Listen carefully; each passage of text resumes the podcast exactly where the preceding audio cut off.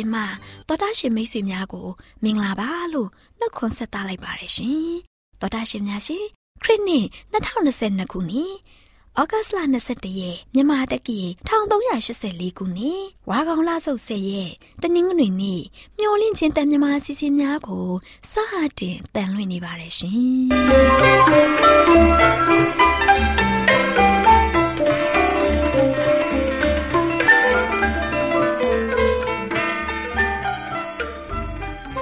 တော်တာရှင်များခင်ဗျာမျောလင့်ချင်းအတန်မြန်မာအစီအစဉ်ကိုနက်နက်6နာရီမိနစ်30မှ9နာရီထိ16မီတာ kHz 10923ညညပိုင်း9နာရီမှ9နာရီမိနစ်30အထိ25မီတာ kHz 11943ညမှအတန်လွှင့်ပေးနေပါလေခင်ဗျာဒီကနေ့တနင်္ဂနွေနေ့မှာထုတ်လွှင့်ပေးမယ့်အစီအစဉ်တွေကတရားဒေသနာဟောကြားခြင်းအစီအစဉ်ကျမ်းမာပျော်ရွှင်လူပေါင်းတွင်အစီအစဉ်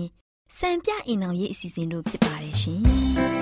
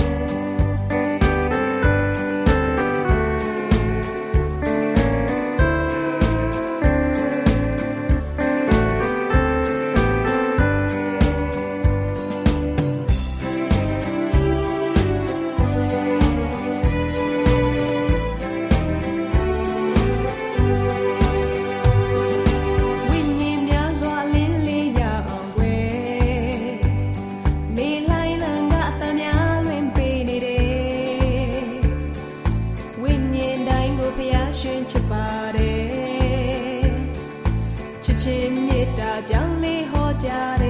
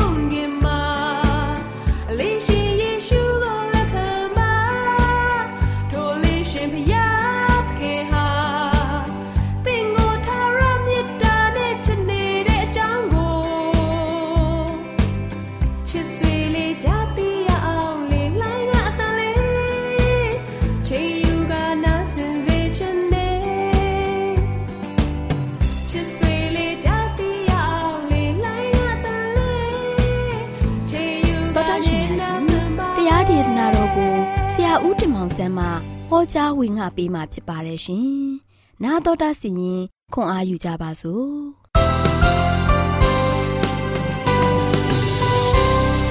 ကျွန်တော်ပါဆုံနေကြပါစေချစ်တော်မိတ်ဆွေများဒီနေ့ဆွေးနွေးသွားခြင်းတဲ့ခေါင်းစဉ်ကတော့ကောင်းမြတ်သောဘုရားရှင်အပိုင်း1ကိုသွားခြင်းပါတယ်ဘုရားရှင်ရဲ့ကောင်းမြတ်ခြင်းဘုရားရှင်ရဲ့တကယ်ကောင်းမြတ်ခြင်းဟာဘလောက်ထိကျွန်တော်တို့ပေါ်မှာကြီးမားတယ်လဲဆိုတာကိုဆွေးနွေးသွားခြင်းပါတယ် ဒီသတင်းစကားကိုဆက်လက်မသွားခင်မှာဆိုလို့ရှိရင်ခိတ္တခဏကျွန်တော်တို့အဆုတောင်းပြီးတော့ဆက်ကပ်ကြပါစို့အတက်ကောင်းငယ်ပုံ၌တရှိတော်မူသောဖဖျားယနေ့သာသောနေ့သစ်နနခင်းအတွက်ကိုရောကိုကျေးဇူးတင်ပါတယ်ယခုသားမျိုးတို့ဒီကြားနာမယ့်သတင်းစကားဒီကောင်းမြတ်သောကိုရောဖျားရဲ့အကြောင်းကိုကြားမိဖြစ်ပါတယ်ကြားနာကြားတဲ့အခါမှာလည်းကိုရှင်ဖျားကိုပုံမပြီးမှသိရှိ၍ဝမ်းပန်းတတာဖြင့်ကိုရှင်ဖျားရဲ့ရှေ့တော်မောင်း၌သားမျိုးတို့ဒီကိုရောရဲ့လူတော်တိုင်းဝန်ခံပြီးတကလာတက်တာကိုရှောင်လန်းနိုင်သောတာသမီတီးတီးဖြစ်ဖို့ရန်အတွက်လည်းမာတော်မီကြောင်း တပိုက်တော်သားသခင်ခရစ်တော်၏နာမတော်ကိုမြည်စတော်မှာတယ်ဖဗျာအာမင်ချစ်တော်မိတ်ဆွေများနေ့စဉ်နဲ့ရမြသတင်းစကားတွေကိုနားဆင်ရတဲ့ခါမှာဘုရားရဲ့ကောင်းမြတ်ခြင်းကကျွန်တော်တို့ပေါ်မှာဘလောက်ထိကြီးမားတယ်လဲဘုရားသခင်ကကျွန်တော်တို့ပေါ်မှာဘလောက်ထိတောင်မှချစ်ပြီးတော့ဘလောက်ထိကျွန်တော်တို့ကိုကောင်းစားသိခြင်းလဲဆိုတာကိုပြောပြသွားခြင်းပါတယ်ဘုရားသခင်ကကောင်းမြတ်တဲ့ဘုရားမှန်ရင်ဘာကြောင့်ဒုက္ခဝေဒနာတွေကဒီကဘာကြီးပေါ်မှာပြည့်နေနေရတာလဲဆိုပြီးတော့ ဘာကြောင့်ဒုက္ခတွေတတိကြီးနဲ့ခံစား권တွေပေးနေရတာလဲဆိုပြီးတော့မေးခွန်းတွေတို့လောတို့လောကျွန်တော်တို့မေးနေကြတယ်ဇောရကတွေတက်မိနေကြတယ်မေးခွန်းရဲ့အဖြစ်ကိုတော့ယောဘဝိထုမှာတွေ့ရပါတယ်ယောမကကပ္ပအရှိလေပိုင်းမှာဆိုလို့ရှိရင်နေထိုင်ခဲ့တယ်ချမ်းသာကြွယ်ဝတဲ့သူဖြစ်ပြီးတော့မိသားစုကြည့်တဲ့ပြင်အိမ်မွေးတိရစ္ဆာန်တွေလည်းပေါ်ကြွယ်ဝတယ်ကျွန်တော်တို့ယခုခေတ်နေထားတဲ့ပြောရမယ်ဆိုရင်ယောဘဆိုရှင်တကက်ဘီလီယံနာတထေးကြီးဖြစ်တယ်နော် အလောက်တောင်မှချမ်းသာကြွယ်ဝတဲ့တထေးကြီးကြောင့်ကိုယောဘတစ်ငယ်တစ်မှာဆိုလို့ရှိရင်ဘယ်လိုပြောထားလဲဆိုတော့ယောဘအမည်ရှိသော သူတယောက်သည်ဥစပြည်၌နေ၏ထိုသူသည်စောင်းလင်ဖြောင့်မတ်ခြင်းရှိ၏ဖယားသခင်ကိုကြောက်ရွံ့သောသူ မကောင်းသောအကျင့်ကိုရှောင်သောသူဖြစ်၏ဆိုပြီးတော့မှတ်တမ်းတင်ထားပါတယ်ယောဘရဲ့ချမ်းသာကြွယ်ဝမှုနဲ့သားသမီးများကြောင်းကိုတမန်ကျမ်းစာမှာလို့ရှိရင်ဆက်လက်ပြီးတော့ဖော်ပြထားပါတယ် ဖယားသခင်ရဲ့သားဖြစ်တယ်ကဘာကြိုကိုအုပ်ဆိုးရတဲ့အခွင့်ကိုအာဒံကအာဒံကိုပေးထားတယ်နော်ဖယားသခင်ကလို့ရှိရင်အာကာသကောင်းကင်ဘုံမှာလို့ရှိရင်အစည်းဝေးထိုင်တယ်အစည်းဝေးထိုင်တဲ့ခါမှာဆိုလို့ရှိရင်တော့ကဘာဦးကျန်းခိုင်းတဲ့ငွေ28မှာလို့ရှိရင်ကဘာကြိုကိုကိုစားပြုတ်ရန်အစည်းဝေးသို့စာရမဏတက်ခဲ့တယ်ချစ်တော်မိတ်ဆွေတို့ ဘာကြောင့်ကောင်းကင်ဘုံအစည်းအဝေးမှာဆိုလို့ရှိရင်စာရမဏတက်ခွင့်ရတာလဲမိကုံထုတ်เสียပဲเนาะဖခင်ကအာဒံနဲ့အေဝါကိုဖန်ဆင်းပြီးတဲ့ခါမှာလို့ရှိရင်ကဘာကိုအုပ်စိုးခွင့်ပေးထားတာပဲသို့ပေမဲ့သူတို့ကစာရန်ရဲ့လက်ပြားမှုအောက်ကိုယုံစားမိတဲ့ခါမှာကျတော့အဲဒီကဘာကိုအုပ်စိုးခွင့်အာနာကိုအာဒံနဲ့အေဝါကစာတန်လက်ထဲကိုလွှဲအပ်ပေးလိုက်တယ်ဖြစ်အဲ့ဒီအတွက်ကြောင့်အာကာသကောင်းကင်အစီဝေးမှာလို့ရှိရင်စာတန်တက်ခဲ့ရတာဖြစ်တယ်နော် စာတန်ကိုစာတန်ကဆိုရှင်အဲ့ဒီအစည်းအဝေးမှာရောက်သွားတဲ့ခါမှာဖယားသခင်ကစာတန်ကိုဗာပြောလဲဆိုတော့ကဘာကိုကိုစားပြုနေတဲ့အစည်းအဝေးသို့စာတန်တက်ခဲ့ခြင်းဖြစ်တယ်ဆိုတာကိုယောဘခန်းကြီး1ငယ်8ကနေမှ7နှစ်မှာလို့ရှိရင်တွေ့ရပါတယ်။ယင်းအစည်းအဝေးမှာဖယားသခင်ကငါကြုံယောဘကိုဆင်ញင်ပြီလို့တဲ့နော်မြေကြီးပေါ်မှာသူနဲ့တူတော်သူတယောက်မျှမရှိဘူးတဲ့စုံလင်ပြီးတော့ဖြောင်းမှတ်ပေတယ်ဆိုပြီးတော့ဖယားသခင်က ဘုရားသခင်ကိုကြောက်ရွံ့တော်သူမကောင်းသောအကျင့်ကိုရှောင်တော်သူဖြစ်သည်လို့စာတန်အားပြောတဲ့ခါမှာဆိုလို့ရှိရင်စာတန်ကလည်းဇောရကပြန်တက်တာပဲနော်စာတန်ကလည်းဇောရကပြန်တက်တယ်အဲ့ဒီခါမှာဆိုလို့ရှိရင်စာတန်ကဘာပြောလဲဆိုတော့ယောမဆိုရှင်အကျိုးမရှိဘဲနဲ့ဖះကိုဝိပုတလောတဲ့ကိုတော်ကသူ့ကိုတခါတဲ့အိမ်နဲ့သူ့ဥစ္စာရှိသမျှတွေကိုတခါတဲ့စောင်းရန်ကာကွယ်ပေးထားတာမဟုတ်လောတဲ့သူပြုတ်တယ်လေသမျှကိုတဲ့ ကိုတော်ကကောင်းချီးပေးတော်မူတယ်တဲ့သူရဲ့သိုးနွားအစရှိတဲ့တလိษံနေမြေပေါ်မှာအလွန်ပွားများကြပြီလို့ဆိုပြီးတော့ယခုမှလက်တော့ကိုစန့်ပြီးတော့တဲ့သိုးစာကိုထိခိုက်တော်မူလျင်တဲ့သူရဲ့မျက်မှောက်နိုင်ပါလို့ရှိရင်ကိုတော်ကိုစွန့်ပယ်လိုက်မယ်လို့ဘုရားသခင်ကိုစိန်ခေါ်လိုက်တယ်စိန်ခေါ်လိုက်တယ်နော်စာတန်ကတော့ကမ္ဘာလောကကိုရောက်လာတဲ့ခါမှာလို့ရှိရင်သူကဘုရားရဲ့သားသမီးတွေကိုအချိန်မရွေးလှည့်စားနိုင်ဖို့ရန်အတွက်စ조사နေတဲ့သူကြောက်ဖြစ်တယ်ဒါကြောင့်ဘုရားသခင်က သူ့ရဲ့သားသမီးဖြစ်တဲ့ယောဘကိုတွေ့လားလို့မေးတဲ့ခါကျတော့စာရမတွေ့ပဲနေပါမလားနော်ကမ္ဘာမှာရှိတဲ့လူသားအားလုံးကိုစာရကသိတယ်နော်ဘယ်သူကဖျားကိုမွေးလျော်နေလဲဘယ်သူကတော့ဖျားနဲ့တူလည်းမတွဲဘူးလဲစာတန်ကအကုန်သိတာပေါ့ဖျားကမေးလိုက်တဲ့ခါမှာစာတန်ကချက်ချင်းယောဘကိုငါသိတာပေါ့နော်ယောဘကတကယ်ဖျားကကောင်းချီးပေးထားလို့ ဖယားကသာအကယ်၍သူ့ရဲ့ဒဏဥစ္စာတွေသူပိုင်ဆိုင်တဲ့အရာတွေကိုရုပ်သိမ်းလိုက်မယ်ဆိုရင်တော့ယောဘကကိုတော့ကိုတော့ချက်ချင်းစွန့်ပစ်လိုက်မယ်စွန့်ပယ်လိုက်မယ်ဆိုပြီးတော့စာတန်ကပြောလိုက်တယ်။ဘာကြောင့်လဲစာတန်ကယောဘကိုအမျိုးမျိုးလှုပ်ဆောင်လို့ရတာကိုအဲ့ဒီကမှဖယားသခင်ကဘာပြောလိုက်လဲဆိုတော့သူ့ရဲ့ဥစ္စာရှိသမျှဟာတင်းလက်ထဲမှာရှိတယ်တဲ့သူ့ကိုတခုကိုသာမထိခိုင်းနဲ့ဆိုပြီးတော့ ထိုစာတန်ကိုအမိန့်တော်မလိုက်တယ်နော်အဲ့ဒီကမှစာတန်ကစာတန်ကိုတခုခုလှုပ်ခွင့်အခွင့်အာဏာပေးလိုက်တယ်နော်မင်းယောဘကိုကြားတယ်လို့စုံစမ်းနော်သူ့ရဲ့ပစ္စည်းဥစ္စာတွေအားလုံးမင်းကြားတယ်လို့စုံစမ်းဒါပေမဲ့သူ့ရဲ့အသက်တစ်ချောင်းကိုတော့မင်းလုံးဝမထိနဲ့နော်သူ့ရဲ့အသက်တစ်ချောင်းသူ့ရဲ့ကိုယ်ကိုတော့မထိနဲ့တဲ့နော်ပထမဆုံးအခွင့်အရေးမှာသူ့ခန္ဓာကိုယ်ကိုတော့မထိနဲ့ယောဘမှာကြံတဲ့ဟာတွေအားလုံးမင်းကြားတယ်လို့လှုပ်လိုက်နော် ငါရဲ့ယောဘဆိုရှင်ဖြောင်းမှတည်တည်နိုင်မယ်လို့ပြောတယ်နော်ချစ်တော်မိတ်ဆွေတို့အဲ့ဒီလိုမျိုးစိန်ခေါ်တဲ့ခါမှာစာတန်တွေအတွက်စာတန်အတွက်တကယ်ဝမ်းမြောက်တာပေါ့ဘာဖြစ်လို့လဲစာတန်ကမူသားရဲ့ဖခင်လေသူကဘာလို့ဆိုတော့လောကမှာရှိတဲ့လူသားကိုဘယ်လိုလှည့်ပြားမလဲဘယ်လိုမျိုးကောက်ချစ်စင်းလဲရမလဲဘယ်လိုမျိုးလှုပ်ဆောင်ရမလဲနော်သူကတကယ်တတ်ကျွမ်းတဲ့သူတယောက်ဖြစ်တယ်ဒါကြောင့်ချစ်တော်မိတ်ဆွေတို့အဲဒီချိန်ကစပြီးတော့ စာတန်ကလို့ရှိရင်ယောဘပေါ်မှာဘေးဥပတ်တွေမြောင်များစွာရောက်ရှိလာတော့မယ်အကြောင်းအရာကိုနောက်ချင်းမှာလို့ရှိရင်ဆက်ပြီးတော့ကြားနာမှာဖြစ်တယ်ကောင်းကင်နိုင်ငံတော်အစည်းအဝေးမှာလို့ရှိရင်ကဘာမြေကြီးရဲ့ကိုစားစာရမဏတ်သွားပြီးတော့တက်ရောက်ခွင့်ရခဲ့တယ်။အဲဒီအစည်းအဝေးမှာဆိုလို့ရှိရင်စာတန်ကကဘာကိုအုပ်ဆိုးတဲ့ဘယင်ဖြစ်နေတဲ့အတွက်ကြောင့်သူကတော့ကိုယ်စလဲတွေနဲ့သွားခဲ့တယ်။သွားခဲ့တဲ့ခါမှာလို့ရှိရင်ကဘာပေါ်မှာရှိတဲ့ဖြောင်းမတ်တဲ့သူကို စာတန်ကလှည့်စားဖို့ရန်အတွက်အခွင့်အာဏာကိုဖျားကပေးလိုက်တယ်နော်။အဲဒီအခွင့်အာဏာကိုစာတန်ကဘယ်တော့မှလက်လို့ဆုံးရှုံးခံတာမဟုတ်ဘူး။နော်အဲ့ဒီအခွင့်အာဏာကိုသူကလည်းလက်ကင်တုတ်အနေနဲ့သုံးပြီးတော့ယောဘပေါ်မှာစာတန်ဘလောက်ထိလှည့်စားမလဲယနေ့ယောဘကိုလှည့်စားခြင်းပြုမဲ့စာတန်ဟာယနေ့ကျွန်တော်တို့ကဘာပေါ်မှာရှိတယ်ဒါကြောင့်ကဘာပေါ်မှာရှိတဲ့ကျွန်တော်တို့လူသားတွေကလည်းယောဘကဲ့သို့ကျွန်တော်တို့ကစာတန်ရဲ့လှည့်စားခြင်းကိုနော်အမျိုးမျိုးခံစားရလိမ့်မယ်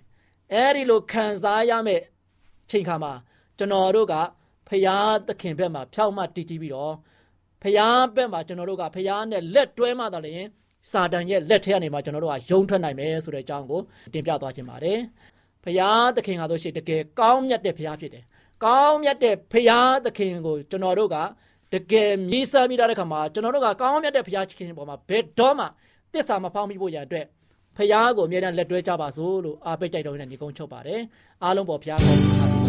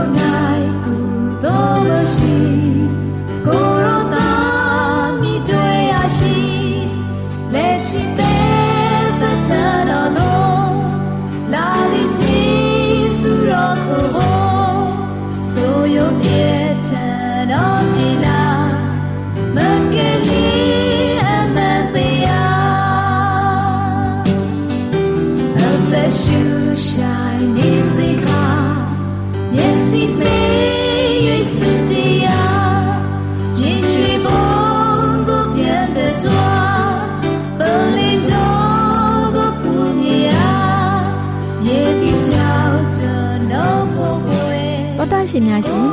ဆက်လက်ထုတ်လွှင့်ပေးမယ့်အစီအစဉ်ကတော့တင်းနဲ့တင့်ကျမ်းမာရေးအစီအစဉ်ပဲဖြစ်ပါရဲ့ရှင်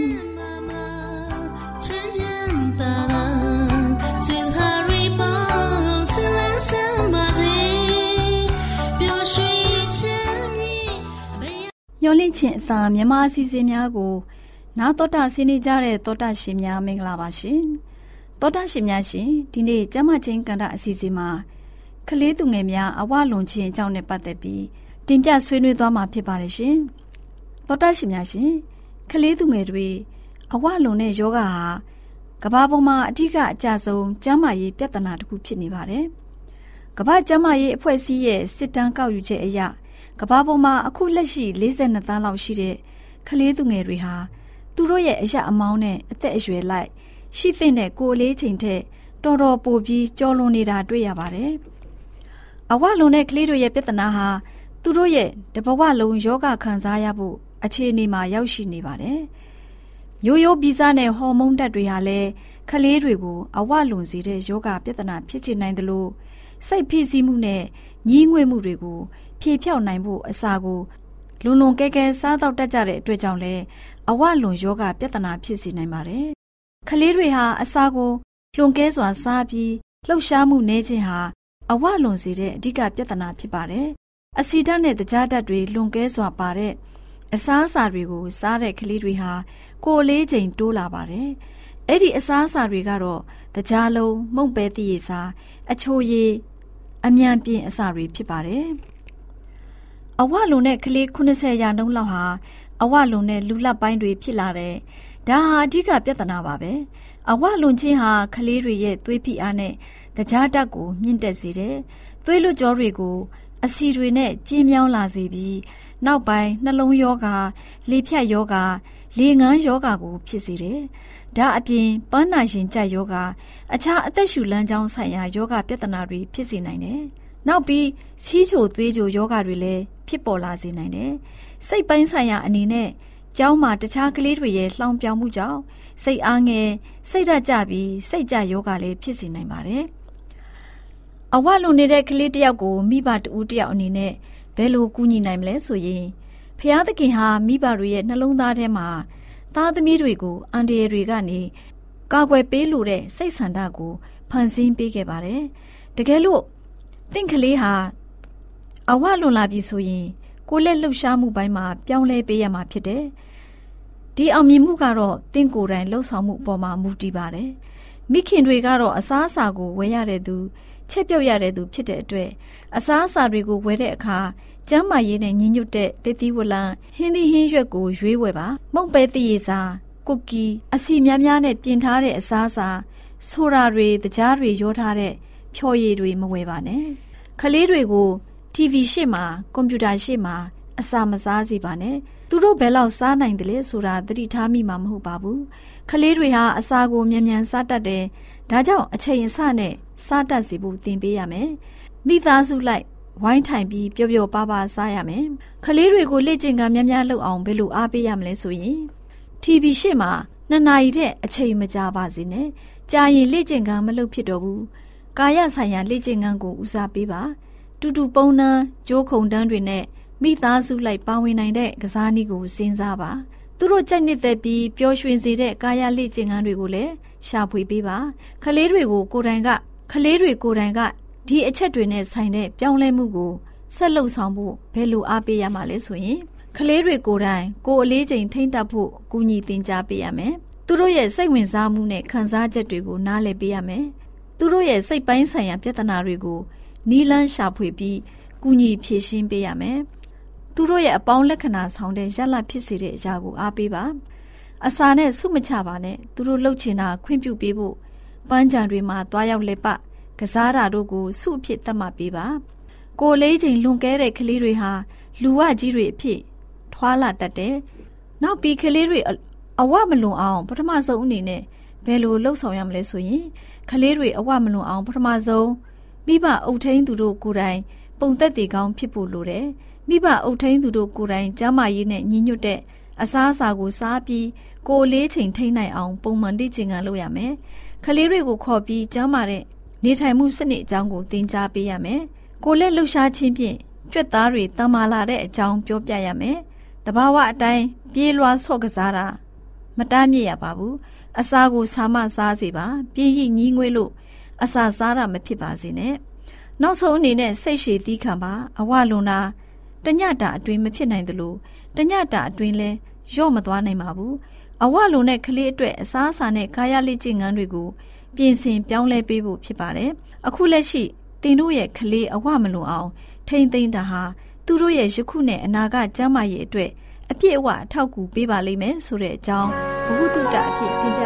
ိုက်ပါ တယ်တော်တာရှင်များအားလုံးမင်္ဂလာပါရှင်။ခုချိန်မှာစံပြအိမ်အောင်ဆိုတဲ့စာအုပ်ထဲက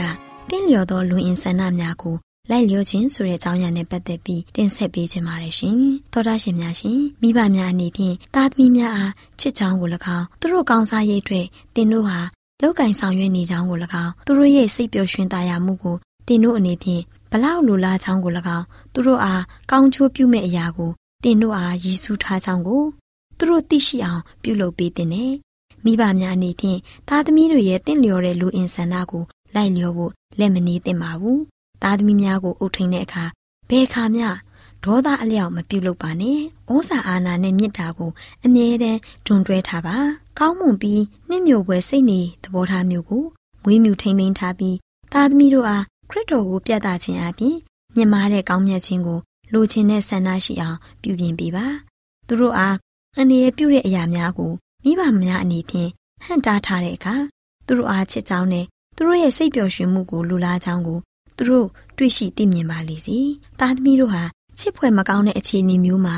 ပုံမိုခြင်းလေလေလေးမိဘများအနေဖြင့်သူတို့ကိုချစ်ကြောင်းပြသရန်ပုံမိုကြိုးပမ်းတင်လေလေဖြစ်ရမယ်။သူတို့ရဲ့စိတ်ပျော်ရွှင်မှုအတွက်မိဘတို့ကလူလားကြောင်းကိုသူတို့ယုံကြည်မှုရှိလာမယ်ဆိုရင်မေတ္တာဟာခတ်သိမ်းတဲ့အကာအစီးများကို ဖြိုလဲပစ်မှာဖြစ်ပါတယ်။လူသားတို့နဲ့ဆက်ဆံတော်မူတဲ့အခါကယ်တင်ရှင်ဟာဒီအခြေခံကျင့်စဉ်ကိုအသုံးပြုတော်မူခဲ့တယ်။ဒီအခြေခံကျင့်စဉ်မျိုးကိုသင်းတော်တဲ့သူယူဆောင်လာရမှာဖြစ်ပါတယ်။အချို့သောအိမ်တော်များမှာတူးကိုတူးကချစ်ခင်ချောင်းကိုဖော်ပြခြင်းဟာအလွန်နေပါလာတယ်။စိတ်နေသဘောထားကိုပြောပြရန်မလိုအပ်တော့လဲချစ်ချင်းမေတ္တာနဲ့တနာချင်း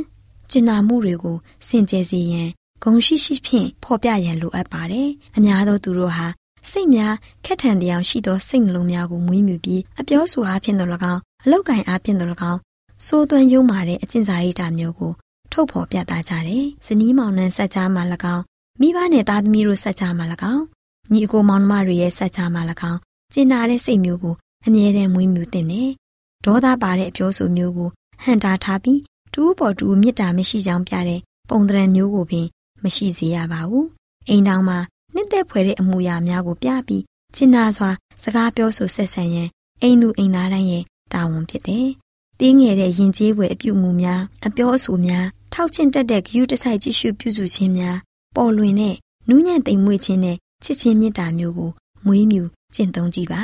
မိခင်နဲ့ဖခင်တို့အားယူသည်ကန်ဆိုင်စေရန်သားသမီးတို့အားသွန်သင်ရန်အကောင်းဆုံးနည်းလမ်းဟာ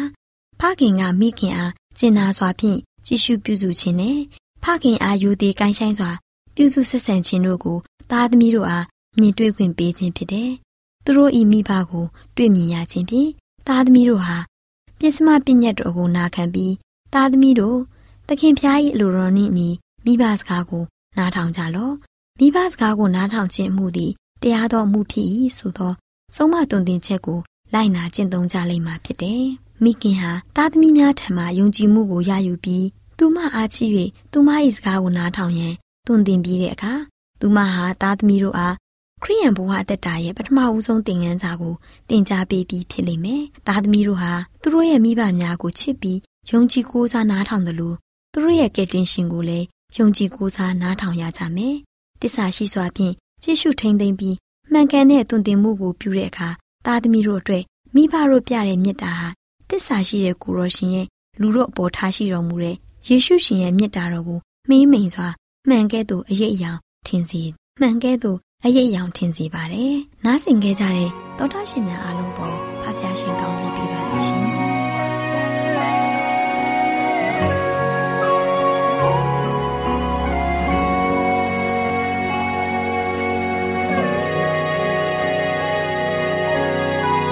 သောတာရှင်များရှင်ကျမတို့ရဲ့ဗျာဒိတ်တော်စာပေးစာယူသင်တန်းဌာနမှာအော က်ပါတင်ဒားများကိုပို့ချပေးလျက်ရှိပါတယ်ရှင်။တင်ဒားများမှာစိတ်ဓာတ်ဒုက္ခရှာဖွေခြင်းခရစ်တော်၏အသက်တာနှင့်တုန်တင်ချက်များတဘာဝတရားဤဆရာဝန်ရှိပါကျမ်းမာခြင်းနှင့်အသက်ရှိခြင်းသင်နှင့်တင့်ကြမာရေးရှားဖွေတွေ့ရှိခြင်းလမ်းညွန်သင်ခန်းစာများဖြစ်ပါရဲ့ရှင်။သင်တန်းအလုံးဟာအခမဲ့သင်တန်းတွေဖြစ်ပါတယ်။ဖြစ်ဆိုပြီးတဲ့သူတိုင်းကို ဂုံပြုလွှာချင်းမြင့်ပေးမှာဖြစ်ပါရဲ့ရှင်တော်တာရှင်များခင်ဗျာဗျာတိတော်အတန်းစာပေးစာယူဌာနကိုဆက်သွယ်ခြင်းနဲ့ဆိုရင်တော့ဆက်သွယ်ရမယ့်ဖုန်းနံပါတ်ကတော့39 656 296 336နဲ့39 98 316 694ကိုဆက်သွယ်နိုင်ပါတယ်။ဓာတိတော်အတန်းစာပေးစာဥထာဏာကိုအီးမေးလ်နဲ့ဆက်သွယ်ခြင်းနဲ့ဆိုရင်တော့ l a l r a w n g b a w l a @gmail.com ကိုဆက်သွင်းနိုင်ပါတယ်။ဗျာဒိတ်တော်အတန်းစာပေးစာဥထာဏာကို Facebook နဲ့ဆက်သွယ်ခြင်းနဲ့ဆိုရင်တော့ SOESANDAR Facebook အကောင့်မှာဆက်သွင်းနိုင်ပါတယ်။ AWR မျော်လင့်ခြင်းအတန်ကိုအားပေးနေတယ်တော်တာရှင်များရှင်မျော်လင့်ခြင်းအတန်မှာအကြောင်းအရာတွေကိုပုံမသိရှိပြီးဖုန်းနဲ့ဆက်သွယ်လိုပါက 39 2939 3926ခွန်45နောက်ထပ်ဖုန်းတစ်လုံးအနေနဲ့39 688 464 48ခွန်ကိုဆက်သွယ်နိုင်ပါတယ်ရှင် AWR မျော်လင့်ခြင်းအတန်ကို Facebook နဲ့ဆက်သွယ်ခြင်းနဲ့ဆိုရင်တော့ AWR ရန်ကုန် Facebook Page မှာဆက်သွယ်နိုင်ပါတယ်ခင်ဗျာ။ Internet ကနေမျော်လင့်ခြင်းအတန်ရေဒီယိုအစီအစဉ်တွေကိုနားထောင်ခြင်းနဲ့ဆိုရင်တော့ website လိပ်စာကတော့ www.awr.org ဖြစ်ပါတယ်ခင်ဗျာတောတာရှင်များရှင် KSTA အာကခွန်ကျွန်းမှာ AWR မျိုးလင့်ချင်းအတံမြန်မာအစီအစဉ်များကိုအတံလွှင့်ခဲ့ခြင်းဖြစ်ပါတယ်ရှင် AWR မျော်လင့်ခြင်းအတန်ကိုနာတော်တာဆင် gay ကြတော့တောတာရှင်အရောက်တိုင်းပေါ်မှာဖျားသခင်ရဲ့ကြွယ်ဝစွာသောကောင်းကြီးမင်္ဂလာတက်ရောက်ပါစေကိုယ်စိတ်နှဖျားစမ်းမွှေလန်းကြပါစေကျေးဇူးတင်ပါတယ်ခင်ဗျာ